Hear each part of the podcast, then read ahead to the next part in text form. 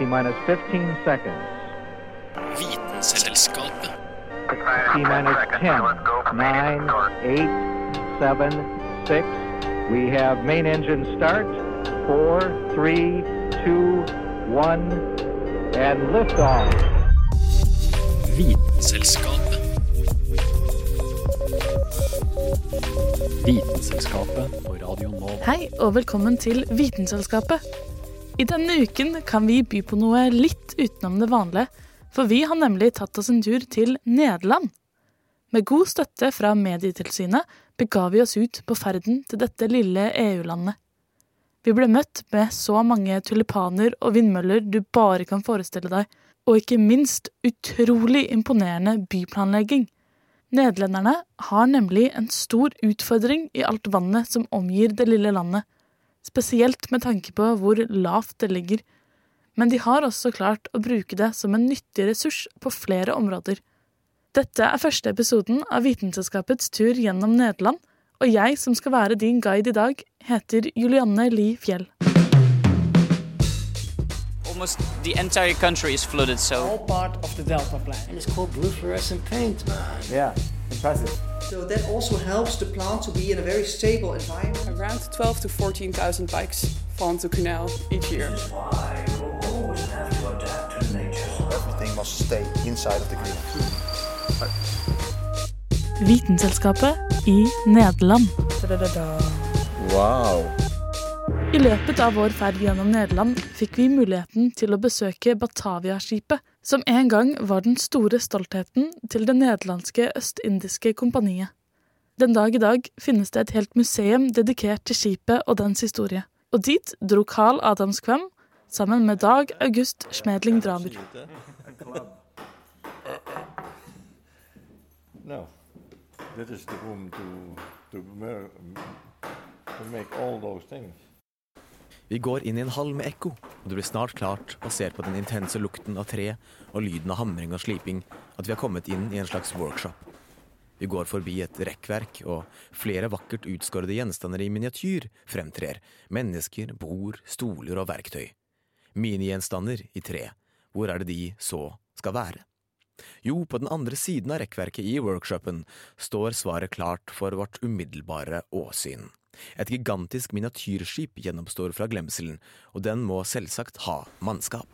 I show you here the, um, it's a, um, a warship from uh, 1665 uh, from uh, the Admiral um, de Ruyter. Uh, there his, his uh, statue. he was not so tall. Yeah, and this is a warship with uh, 80 cannons. 80. Yeah, so 40 at both sides. Uh, so uh, f- uh, the ship was from 1665, and uh, the, um, the ship has sa- sailed um, about 33 years.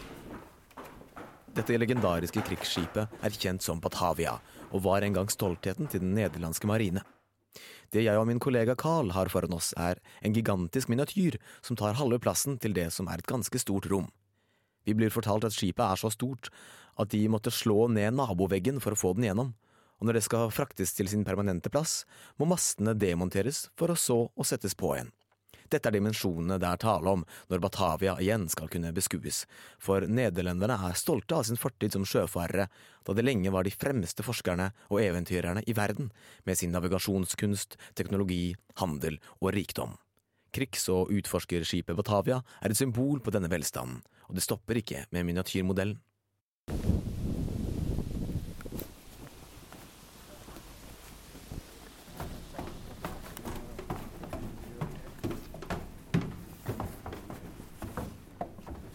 Vi går gjennom det nederlandske regnet, som vår kjære guide, skipsentusiast og pensjonist Leo, bekrefter er et sedvanlig nederlandsk. Yeah, name is uh, Leo Jansen. I'm uh, from uh, from the Netherlands. I work I work here uh, already oh, 11 years on the Batavia once a, a week. Og ut mot havnen, der det majestetiske og storslagne skipet Batavia ligger, ikke i miniatyr denne gangen, men en fullstendig kopi i full størrelse. Dette er en kopi vi ikke bare kan besiktige i sin veldige størrelse utenfra, men som vi faktisk kan borde for å se hvordan seilerne hadde det på dette skipet for 400 år siden. Batavia er oppkalt etter et sted på Jakarta med samme navn, der det opprinnelige skipet sank ned i stillehavsbølgene et godt stykke ut i sin jomfrutur det herrens år 1629, ikke langt unna Australias kyst. Batavia er konsekvensene av en opprustning fra nederlendernes side, da de forsto at de måtte forsvare sin dyrebare handelsvarer fra både pirater og fiendtlige nasjoner. Historien om Batavias skjebne og mannskap er for rik til å gå inn på her, men det å bevitne hvordan de 341 i mannskapet om bord hadde det, får meg alt i alt til å være takknemlig for arbeidet som er gjort i sjøfartens historie. Mye av suksessen på havet kan vi takke nederlenderne for, og det legendariske skipet Batavia er en del av den historien. Det nederlandske østindiske kompaniet var et av de første multinasjonale selskapene i verden da det ble etablert i 1602, og bidro sterkt til den tiden i landet som blir kalt den nederlandske gullalder. Oh. I mean, the natural world is just fun. Du hører på Vitenselskapet på Radio Nova. What more do you want? Nederland er et land under vann. Ikke sånn som Atlantis, da, men med demninger og diker som gjør at jord som i utgangspunktet ligger under havets overflate, holder seg tørt. Dette har de holdt på med lenge, men det er kanskje spesielt én episode som skulle komme til å prege landet og forme forholdet deres til havet og vann i dag. My name Ria Geluk. Uh, I was six and a half when I was in the flood myself with my family, but we were lucky, we survived. And years and years later, I was one of the founders of the Watersnood, the flood museum in which we are walking right now. And the museum exists now 18 years, and it is housed in the four caissons who closed the last gap in our dikes. Vi er i Seeland, sørvest i Nederland. Her ligger mesteparten av jorda som opp igjennom historien har blitt tørket ut og tatt tilbake fra havet. Her var også det verste treffpunktet for den katastrofale flommen i 1953. Tusenvis døde, titusener ble evakuert, og nesten 10% av Nederlands totale landbruksareal ble ødelagt for lang tid framover. Watersnood-museum er dedikert til ofrene for denne flommen. Arbeidet for å evakuere de rammede og reparere dikene. Museet i seg selv er et fascinerende syn. En svart-grå betongkloss stappet ned i terrenget. En kaison, eller en senkekasse som det heter på norsk. Og her ble de altså brukt til å tette de siste hullene i jordvollene som fungerer som diker. I was telling when the caisson sinks, when they let them sink, there are openings on the side. And they are connected, we will see that later, with beams through the ceiling. So upstairs there are men standing. They have a kind of a turning wheel that goes under along the wall to openings in the wall, quite under. Yeah? And they turn by turning the wheel, the opening opens. There comes water in and then he sinks. That's the system of the caisson. So that makes that the old water is still in the caisson, even today, yeah? And they filled it up with sand through the openings there. So that's the sand what you're seeing. So there's still water when you go dig in the sand. Then you come in water. So that's the way we found the caissons when we started here more than 20 years ago with the project. In the meantime, there had been openings made in by younger people. They played in here, they made love in here, Yeah. they gave parties here, they have done all kinds of things in here. Senkekasser i betong er et forholdsvis nytt fenomen, men dikebygging i Nederland er mye, mye eldre enn som så.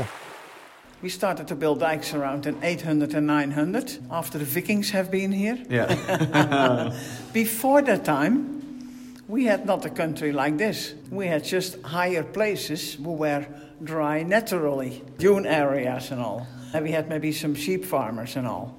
And then from 800, 900, people started to build dikes. Dikes are man made. And from the time we build dikes, dikes have been broken. Yeah? So we have an always un and forwards going. The ebb and flow. So you see all the floods we have had in our country. Not the complete country, parts of the country, of Yeah. course. the sea. Yes. But also, we are in the delta of the three big rivers the Rhine, the Maas, and Mm. the Scheldt. So we have from both sides Water pressing water. in on you. And then today we have the extra rain Yeah. From time to time. And sometimes the ground. So you can see that that's where the new polders are. That's where you have been. Yeah, the new polders. But this is the older part, of course, and that's built up from all smaller polders. Mm. Yeah? So that's the situation. Poldere, eller polders, er lommer med land tatt tilbake fra havet. Landet man har bygd diker rundt. Det var altså dette landet havet kom for å ta tilbake i månedsskiftet januar-februar 1953.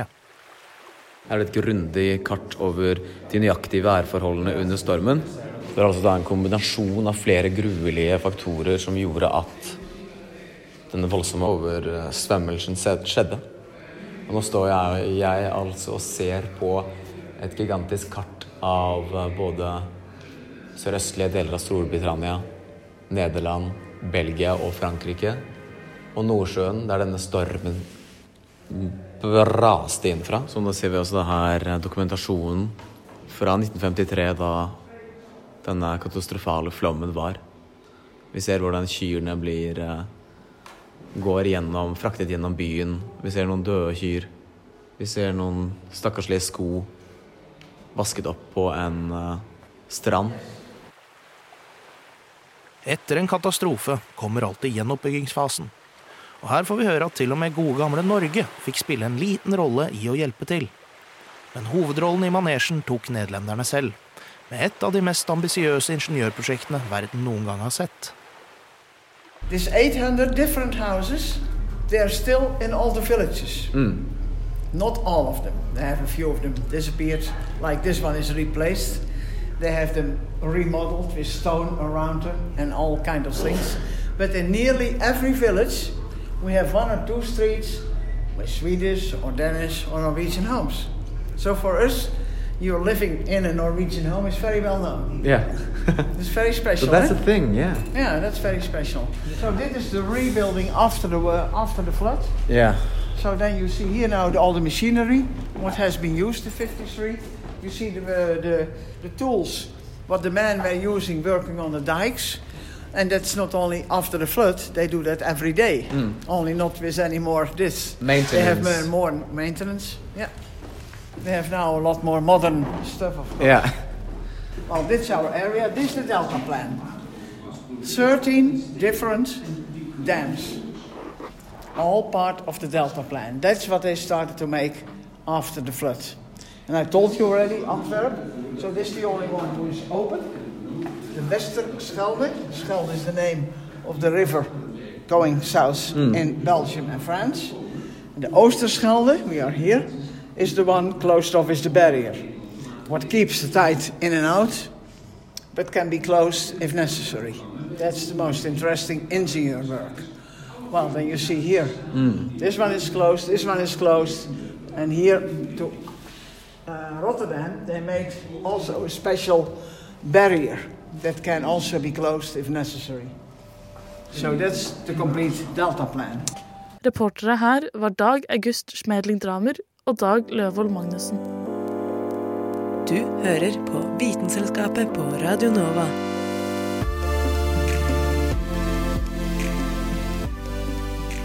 Amsterdam er ganske så kjent for sine omkransende kanaler. Du går knapt noen gater fra den ene før du støter på en annen, og det kan gjøre det litt kronglete å komme seg rundt i byen. Men de har også vært veldig nyttige for nederlenderne gjennom tiden. Jeg og Aurora Caroline Thommessen gikk turen innom Kanalmuseet for å lære mer om disse langstrakte vannveiene. My name is Dorine Maat, and I work in this museum as um, someone who guides people around. I work officially. I'm a duty manager, if that makes any sense. So, I'm here in the office and on the floor, and yeah, basically making sure that the museum runs as it should be. Vi befinner oss i en gammel villa sentralt i Amsterdam. Vår lokale guide forteller oss ivrig om utviklingen og vedlikehold av byens mange kanaler. So yeah, this museum is um, about the canals, and it tells you the, the history of them. So we already have many museums in Amsterdam that either tell about art or the history of the city as a whole. But because uh, the canals are a really special part of the city, we thought it was good to, yeah, get one museum to fully focus on that. And that means that the canals they were built um, a little before 1600 till a little after 1700. So in about 100 years, uh, those three big canals that you see in the city today were formed. And uh, this was because the old city center by the end of the 16th century was getting very, very crowded. Um, there were too many people living here. There were many people moving to Amsterdam at the time, which meant that it was time to expand the city. And they wanted to expand the city at the time in a way that it wouldn't be full again in 10 years. So they really sat down to make a very ambitious plan um, to create a city that would, yeah, stand the test of time in a way. And what was a bit difficult about Amsterdam is that the area that the city is built on is very uh, swampy. So there's a lot of water in the ground here, and makes it a bit hard to build because yeah, things move around here and there's the possibility of overflows and things like that. And the canals were created to um, yeah form a, a base for our water management. So what it was doing is that the canals were a way to drain this whole area of all its excess water, and then that water could be transported either to the ocean or to the rivers. Um, so that was nice. And also, they were really important for transport themselves. So, at the time, of course, all transport was done with either horse and carriages or boats. And the boats was just way more fast. So, we had the harbor in the north in Amsterdam, and then using the canals, you could distribute all this product throughout the city. And at that time, the Netherlands was also in war with Spain. So, if it was necessary, the canals were also um, a line of defense that could be used to keep people out because you could draw the bridges up, of course, and then yeah, it would help a little. And uh, also, yeah, they were a sewer system at the time. So this to us is very disgusting today because you have to imagine literally all the waste was dumped in the canals. So this is toilets, but also, for instance, if you had a butcher that was uh, slaughtering a, a horse or a cow or anything, they would throw the carcasses in the canals as well. So in the 17th century, Amsterdam was known as the beautiful lady with the foul breath. That's what you see in uh, in the travel logs of the time.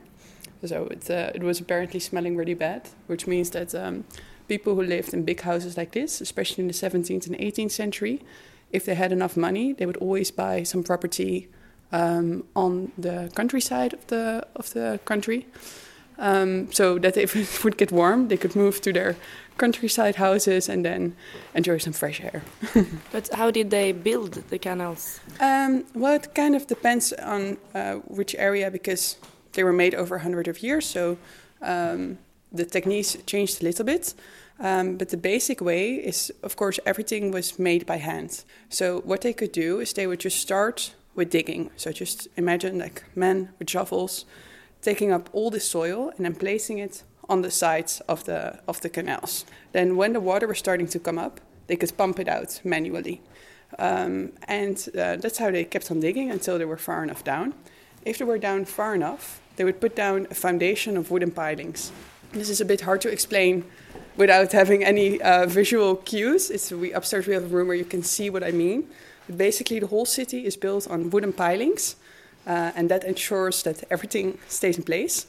So on the sides of each canal, there's a wall, and this wall is on that foundation. And then once those walls were standing, so kind of the walls you can see if you look at a canal today, they could stop the pumps, and then the water could come up in the middle. Do you do a lot to maintain the canals? yeah, we do a lot. So, um, of course, those walls that I just talked about need to be maintained. You can see that now in the city center, for instance, that they're replacing some of the foundations. And of course, a lot of trash ends up in the canal. So every day there's boats running through the city with really big grippers, and they take out all the trash and they take out all the bicycles and things like that. So um, bicycles. yeah, yeah. On average, there's many different numbers around this. Uh, the number I think is most trustworthy is the one from our local government.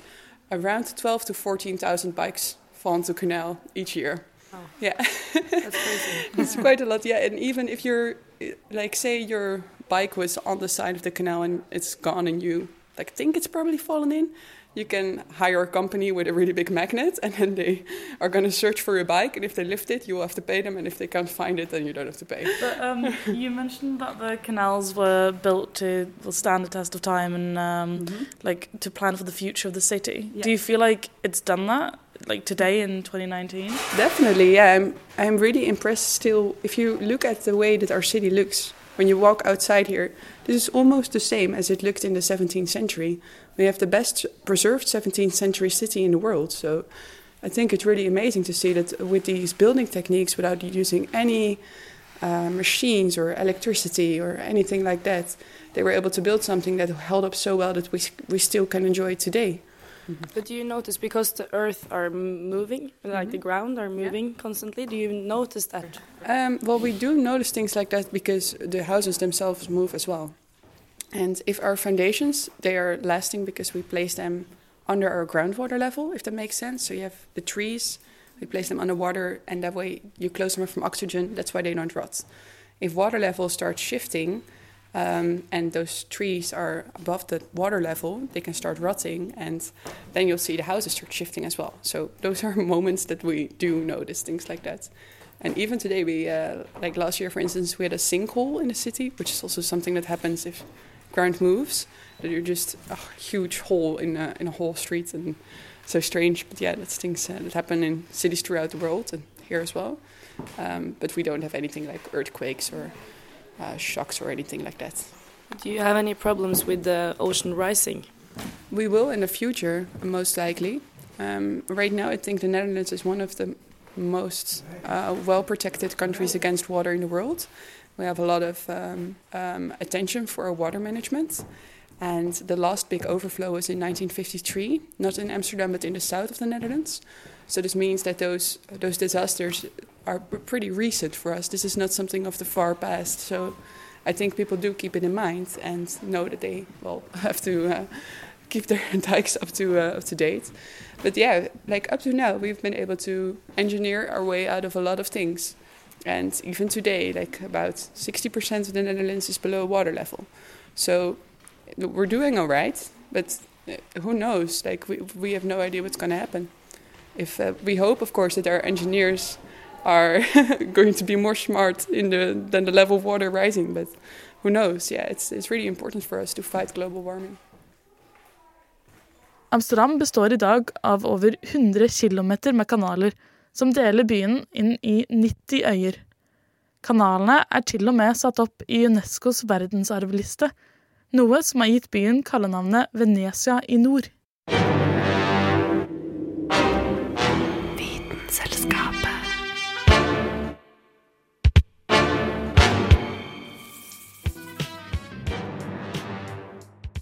Et av de mest unike trekkene ved Nederland er at så mye som 60% av landet ligger under vann. Men ikke bare holder diker og demninger vannet tilbake, de gir også muligheten for å få et nytt, fruktbart land. Oss er rett over sjøen nord for Amsterdam, i Flevoland. Her finner oss senteret for en av de største undertakingene du kan finne på, nemlig å ta tilbake landområder fra havet. Oss møtte en kar som kunne fortelle masse om å gjenopprette land, nemlig Henk Pryntel, forsker ved Batavialand. Så hva er greia med området her? Flevoland is, is really the, um, the story of uh, land, water, land. So in, in the Roman times it was uh, land. Altså, rundt årtusen 1000 fant oss her ved dagens Zydersee innsjøer, atskilt fra havet med landområder. I dette området var marka hovedsakelig torv, eller peat på engelsk. Torv blir danna ved at organisk materiale blir liggende i områder metta med vann, så mikroorganismer ikke kan bryte ned materialet. Når du har landområder metta med vann, er du sårbar for sjøen og havet. As you know, peat contains a lot of water. 80 to 90 percent is water. So the soil subsided, and the sea got more and more influence on, on the land. So a lot of peatland was uh, was lost, and that's the reason why the Zuiderzee uh, came into existence. Mm. Because this is, area is called the former Zuiderzee. There was already a big connection between this Zuiderzee, was called Almere, and the North Sea, and then the sea broke in, and all the land here vanished. I omtrent 500 år fikk altså havet ta tilbake sin del av Nederland. Men så kom en ingeniør med store ideer på banen. uh, Dutch engineer Cornelis Lely. He, the, uh, he came with a plan to, uh, to shut the Zuiderzee by a barrier dam. That's here. It's called the Afsluitdijk. It's 30 kilometers long. Uh, but the main reason for this uh, project of uh, Cornelis Lely was not uh, the danger of, uh, of- storms, but was uh, to reclaim the land here. Yes. Because he knew it was very fertile. With, with uh, executing the plan that started in 1918 and it ended about in 1979 officially. So um, first it uh, should have been a private uh, business, a private undertaking. So people wanted to invest in making the dikes and reclaim Yes. this area and then sell the land to peasants. But the state said, uh, well, the risk is a little bit too big. so we, if, if it is done, we do it. Steg én i planen var altså å logge ei barriere der Sydersi møtte havet. Ei demning på 30 km ble bygd og sto ferdig i 1932, to år foran skjema. Neste steg få tilbake land i form av poldere. Og hva er en polder, lurer du kanskje på? Polder is just an area where, where you, regulere you can regulate the, uh, the level of water. That's the only definition. So you can have. Landområdene ble tid tilbake ved først å bygge diker i et område rundt det nye landet du vil ha. Så pumpes vann ut, og vips så har du nytt land der du enkelt kan regulere vassnivået. Disse regulerbare områdene var altså målet til ingeniør Leli. Med havet utestengt vil ferskvann renne fra kontinentet og ut i Sydersee, og oss ender opp med en innsjø full av ferskvann, ideelt for å vatne jorder. It's not alone, uh, uh, not only coming from, from the seaside, just at the front door, but it's, it's also going coming from the back door. Because of the heavy rains, uh, normally uh, the Rhine, for example, um, yeah, it's it's quite um, uh, predictable that uh, in winter uh, the Rhine doesn't have so much water, and then in spring when the ice melts in Switzerland, uh, we get all the water in this in this Mm. delta area. For å opprettholde vannivået i denne innsjøen der du vil ha det, må du kunne tappe overskuddsvann. Derfor ble det bygd to hovedsluser der vannet kan bli sluppet ut. two big uh, drain locks. So if uh, this uh, area has a certain water level, which is higher than here, then you open the locks and then the. And if uh, so, that that that uh, happens with the app, and when it is flood, then you close it so to prevent from water coming into this area. If you have too much water, it's not only a question, then it's a question of uh, to get rid of the water, so it is pumped away into this area, and then again it goes into this area. But last summer, when uh, it was quite hot here and uh, you, the, the peasants needed a lot of water, you can pour this water into the polder because this is fresh water, normally spoken. The peasants have always uh, sufficient water, although Yeah, last summer it was really a problem. Ta-da! Et lukka system der du har nytt, veldig fruktbart jordbruksareal og masse ferskvann til å vatne med. Flevoland er den tolvte og siste provinsen i Nederland som ble etablert i 1986. Navnet kommer trolig fra Flevum, som betyr flyt, og de som tok turen dit, var Carl Adamskvam og Dag August Schmedling Dramer.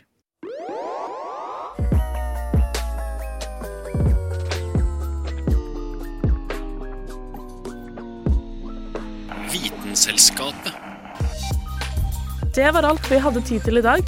Men hvis du er nysgjerrig på hva annet vi har funnet på i Nederland, må du følge med til samme tid neste tirsdag på Radio Nova eller hvor enn du hører på podkaster. Jeg har vært Julianne Lifjell, og jeg vil bare si takk for at akkurat du har hørt på oss i dag.